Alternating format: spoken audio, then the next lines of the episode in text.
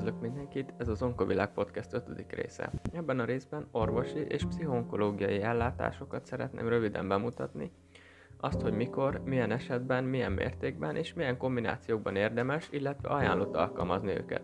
Szerintem ez egy nagyon fontos és érdekes téma, úgyhogy nem is húzom tovább az időt. A rákkal való szembesülés pszichológiai alkalmazkodást igényel. Többnyire az emberek változékonyak, és mindenki a maga módján alkalmazkodik úgy, hogy az csökkentse az egzisztenciális fenyegetettséget, és hogy pszichológiailag egészségesek maradjanak.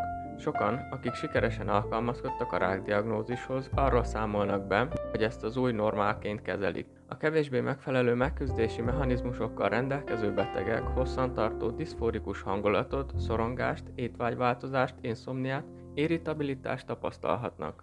A pszichológiai alkalmazkodást három fő faktor együttes befolyásolja. Az első az orvosi faktorok, a második a pácienssel kapcsolatos faktorok, a harmadik pedig a szociális és kulturális faktorok. Ezen faktorok megértése segítheti az orvosokat, onkológusokat, onkológiai ápolókat, hogy jobban felmérjék a páciensek igényeit és személyre szabott támogatási lehetőségeket ajánljanak nekik. A pszichológiai problémák bármikor megjelenhetnek a betegség ideje alatt vagy után, viszont a diagnózis közlés, a betegség visszatérése vagy előre haladáskor, stresszes kezelések közben vagy a betegség előre haladott stádiumában gyakoribb az előfordulásuk. A rákra adott pszichológiai reakciók felismerése, illetve más pszichiátriai komorbiditások felmérése fontos annak érdekében, hogy ezeket a már meglévő irányelvek alapján kezelni lehessen. Ez sok esetben a kollaborációt feltételezi pszichonkológussal vagy más pszichoszociális egészségügyi szakemberrel. A pszichoszociális ellátás integrálás az onkológia területén egyre inkább elfogadott.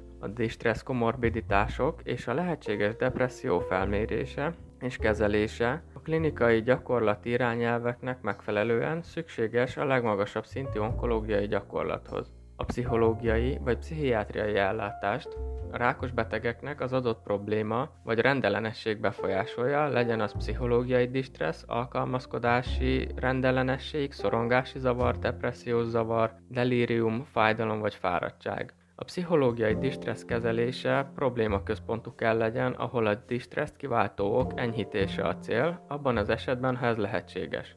Nagyon fontos a tünetek és az orvosságok áttekintése annak érdekében, hogy megállapítható legyen, hogy a tünetek valamilyen orvosság mellékhatásai vagy sem.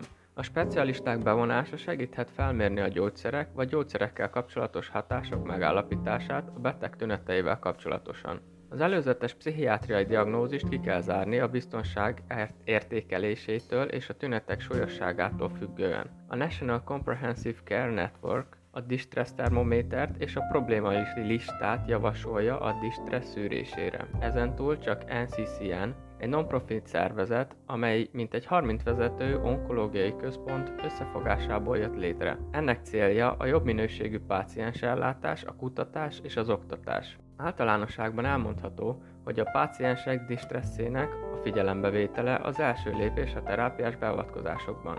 Sok páciensnek már az is segíthet, ha letisztázódik számukra a diagnózissal, kezelési lehetőségekkel és mellékhatásokkal kapcsolatos információk. Az arra irányuló tanácsadás, hogy a páciensek hogyan mozgósítsák erőforrásaikat és hogy milyen fontos a kezelés kontinuitása, már terápiás jellegű lehet és segít egy jobb összhang megteremtésében. A páciens tanácsadással, tünetorientált beavatkozásaival, spirituális támogatásával vagy testmozgással kapcsolatos igényeit ki kell elégíteni.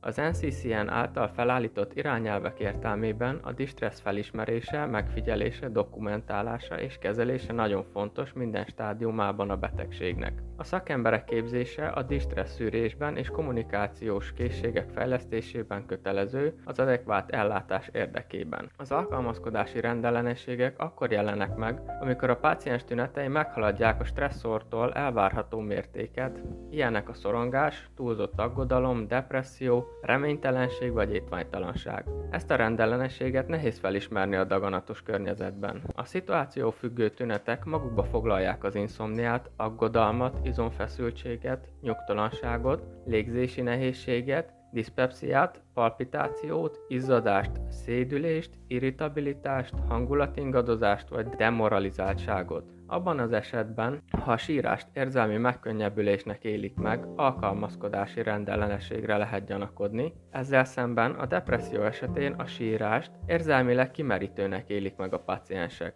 Az alkalmazkodási rendellenesség lehet akut, ami kevesebb mint 6 hónapot tart, vagy lehet krónikus, ami többet tart, mint 6 hónap. A pszichoterápia alkalmazható az alkalmazkodási rendellenességek esetén. A terápia fókuszában az kell álljon, hogy a páciens meg tudjon birkózni a stresszorral, és hogy el tudja végezni a mindennapi feladatait. A daganatos setting esetén a diagnózis és prognózis komolyságának realisztikus megértése nagyon előnyös lehet. A megfelelő terápiákat a felé kell irányítani, hogy csökkenjenek a tünetek és hogy erősödjenek a megküzdési erőforrások. Ezt azzal lehet a legjobban elérni, hogy a páciens támogató tanácsadásban és vagy pszichofarmakonokban részesül. Az ellátás páciens központú kell legyen, ahol figyelembe veszik a betegek preferenciáit, téve ezt explicit szakértői útmutatással lövezve. A biztonság felmérése és más pszichiátriai problémák kizárása kötelező jellegű. A paciensek oktatása, a fizikai tünetek csökkentése és a megfelelő kommunikáció fenntartása eszenciális terápiás eszközök a személyek megküzdési mechanizmusainak a visszaállításában. A pszichológiai beavatkozások hatásosak, és ezeknek a használata megtanítható bizonyos esetben azoknak is, akik nem mentális egészségügyi szakemberek. Ez a megközelítés azért is hasznos lehet, mert a bizonyítékok azt mutatják, hogy a rákos betegek jobban preferálják a támogatást és a megfelelő kommunikációt az onkológiai ellátóktól. A pszichotróp gyógyszerek alkalmazása a középsúlyos vagy súlyos alkalmazkodási rendellenességek esetén ajánlott a specifikus tünetek ellátására. Például az inszomnia esetén alkalmazhatóak hipnotikus szerek vagy szorongásoldószerek az aggodalom csökkentése érdekében. Ha a gyógyszer nem vált ki hatást, a dózis emelhető. Abban az esetben, ha továbbra sincs hatása, egy más pszichiátriai rendellenesség megléte feltételezhető. Abban az esetben, ha gyógyszer hatásos, a paciensek állapotát figyelni kell, majd újra felmérni azt.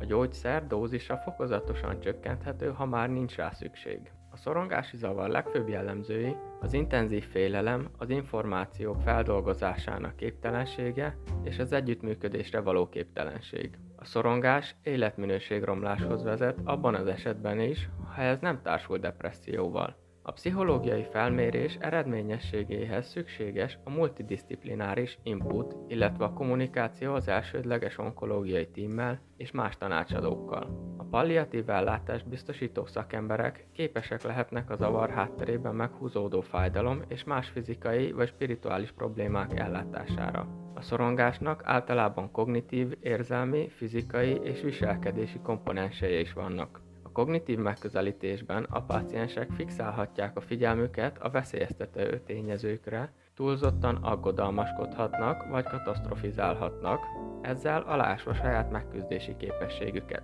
Érzelmi síkon idegesnek, pánikosnak érezhetik magukat, vagy akár félhetnek is. Fizikailag úgy érezhetik, hogy nem kapnak levegőt, melkasszorítást érezhetnek, palpitációt, gastrointestális kellemetlenséget és izomfeszültséget élhetnek át. Viselkedésüket tekintve elkerülőek lehetnek a szorongás forrásával szemben, megerősítést keresnek, vagy megbéníthatja őket a szorongás. A szorongási zavar kezelése a daganatos betegek esetén magába foglalhatja a farmakonok alkalmazását, pszichoszociális és pszichoedukációs beavatkozásokat. A pszichoszociális beavatkozások alatt az oktatást, pszichoterápiát, mint CBT vagy szupportív expresszív terápia, stresszmenedzsmentet vagy támogató tanácsadást értjük. A farmakológiai beavatkozást több szempont szerint alkalmazzák, ezek a szorongási diagnózis, a gyógyszer mellékhatásai, a tünetek súlyossága és a páciens preferenciája. A pánikbetegség esetén az antidepresszáns gyógyszerek alkalmazása alacsony dózissal kezdődik. A pacienseket legalább 2 és 4 hét között kell kezelni antidepresszánsokkal, kivéve akkor, ha a negatív mellékhatásokat tapasztalnak. A generalizált szorongási zavar a szorongásoldó gyógyszerek terápiás alkalmazása nem olyan hosszú, mivel a hatás már pár dózis után megfigyelhető. Bizonyos szorongásoldó gyógyszerek, mint például az olanzapint, Gyakrabban használják az onkológiai settingben a szorongás csökkentésére, a kemoterápia miatti rosszul lét ellen vagy a csuklás ellen. A szorongásoldó gyógyszerek használata az onkológia területén ajánlott a hangulati zavarokon túl a rák miatti fáradtságra, az anorexia vagy súlyvesztés ellen, delírium vagy alvási zavarok ellen, a rosszullét és a kemoterápia miatti neuropátiák ellen. A benzodiazepinek hasznosak a szorongás csökkentésében a rákos betegek esetén. Viszont mindegyik benzodiazepinnek lehet potenciálisan mellékhatása a szedáció, szédülés, koordinációs nehézségek, és kialakulhat tolerancia a gyógyszerrel szemben, vagy akár függőség is. Főleg a legrövidebb hatású benzodiazepin, az alprazolam okozhatja a szorongás visszatérését, és gyógyszerabúzus vagy függőség kialakulását eredményezheti.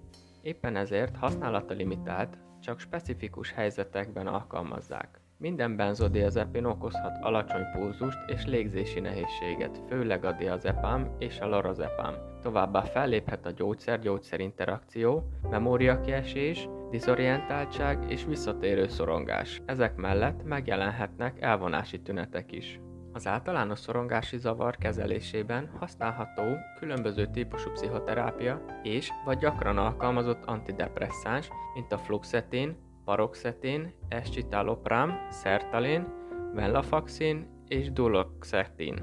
A depresszió változhat súlyosságában a tünet vagy diszfunkciós spektrum függvényében. A szorongási zavarhoz hasonlóan a depresszió kezelése rákos betegek esetén magába foglalhat egy sor farmakológiai, pszichoszociális vagy pszichoedukációs beavatkozást. A pszichoedukáció, a pszichoterápia, a stresszmenedzsment és a támogató tanácsadás az alapkövei a depresszióval küzdő rákos betegek ellátásának. A CBT terápia a gondolatok és a viselkedés újra strukturálására koncentrál, ezzel szemben a szupportív expresszív terápia megengedi a betegek számára, hogy feldolgozzák a rákkal kapcsolatos tapasztalataikat.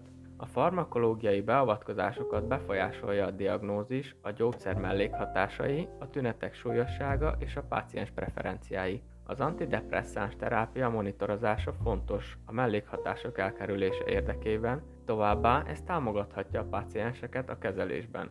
Ebben az esetben is általában 2-től 4 hétig terjed a próbaidőszak, kivéve ha a páciens rosszul viseli a mellékhatásokat. Ha a haszon jelentős, a segítő gyógyszerek alkalmazása lehetséges. Ezek a gyógyszerek tünettől függően lehetnek antidepresszánsok, mint a bupropion vagy mitrazapin, lehet antipszichotikum, mint az aripipazol vagy olazapin, vagy lehet stimuláns is, mint a metilpenidát. Természetesen a pszichiátriai gyógyszerek több tünetet is kezelhetnek, mint a fáradtság, rosszul lét, súlyvesztés, alvási problémák, szorongás vagy a csuklás. Összefoglalva elmondhatjuk, hogy a paciensek rákkal kapcsolatos tapasztalatainak feldolgozásához szükséges a pszichológiai adaptáció. Ezt fontos mérni, értékelni és szükség esetén a rákkal párhuzamosan kezelni. A distressz szűrés és a rák pszichológiai vonatkozásaira való kiemelt figyelem hozzájárult a pszichoonkológia fejlődéséhez az elmúlt 20 évben. Nagyon fontos, hogy az onkológiai orvosok is megértsék a pszichológiai problémák alapelveit és kategóriáit annak érdekében, hogy megfelelő kezelést alkalmazhassanak. Köszönöm szépen a figyelmet, és további szép napot mindenkinek!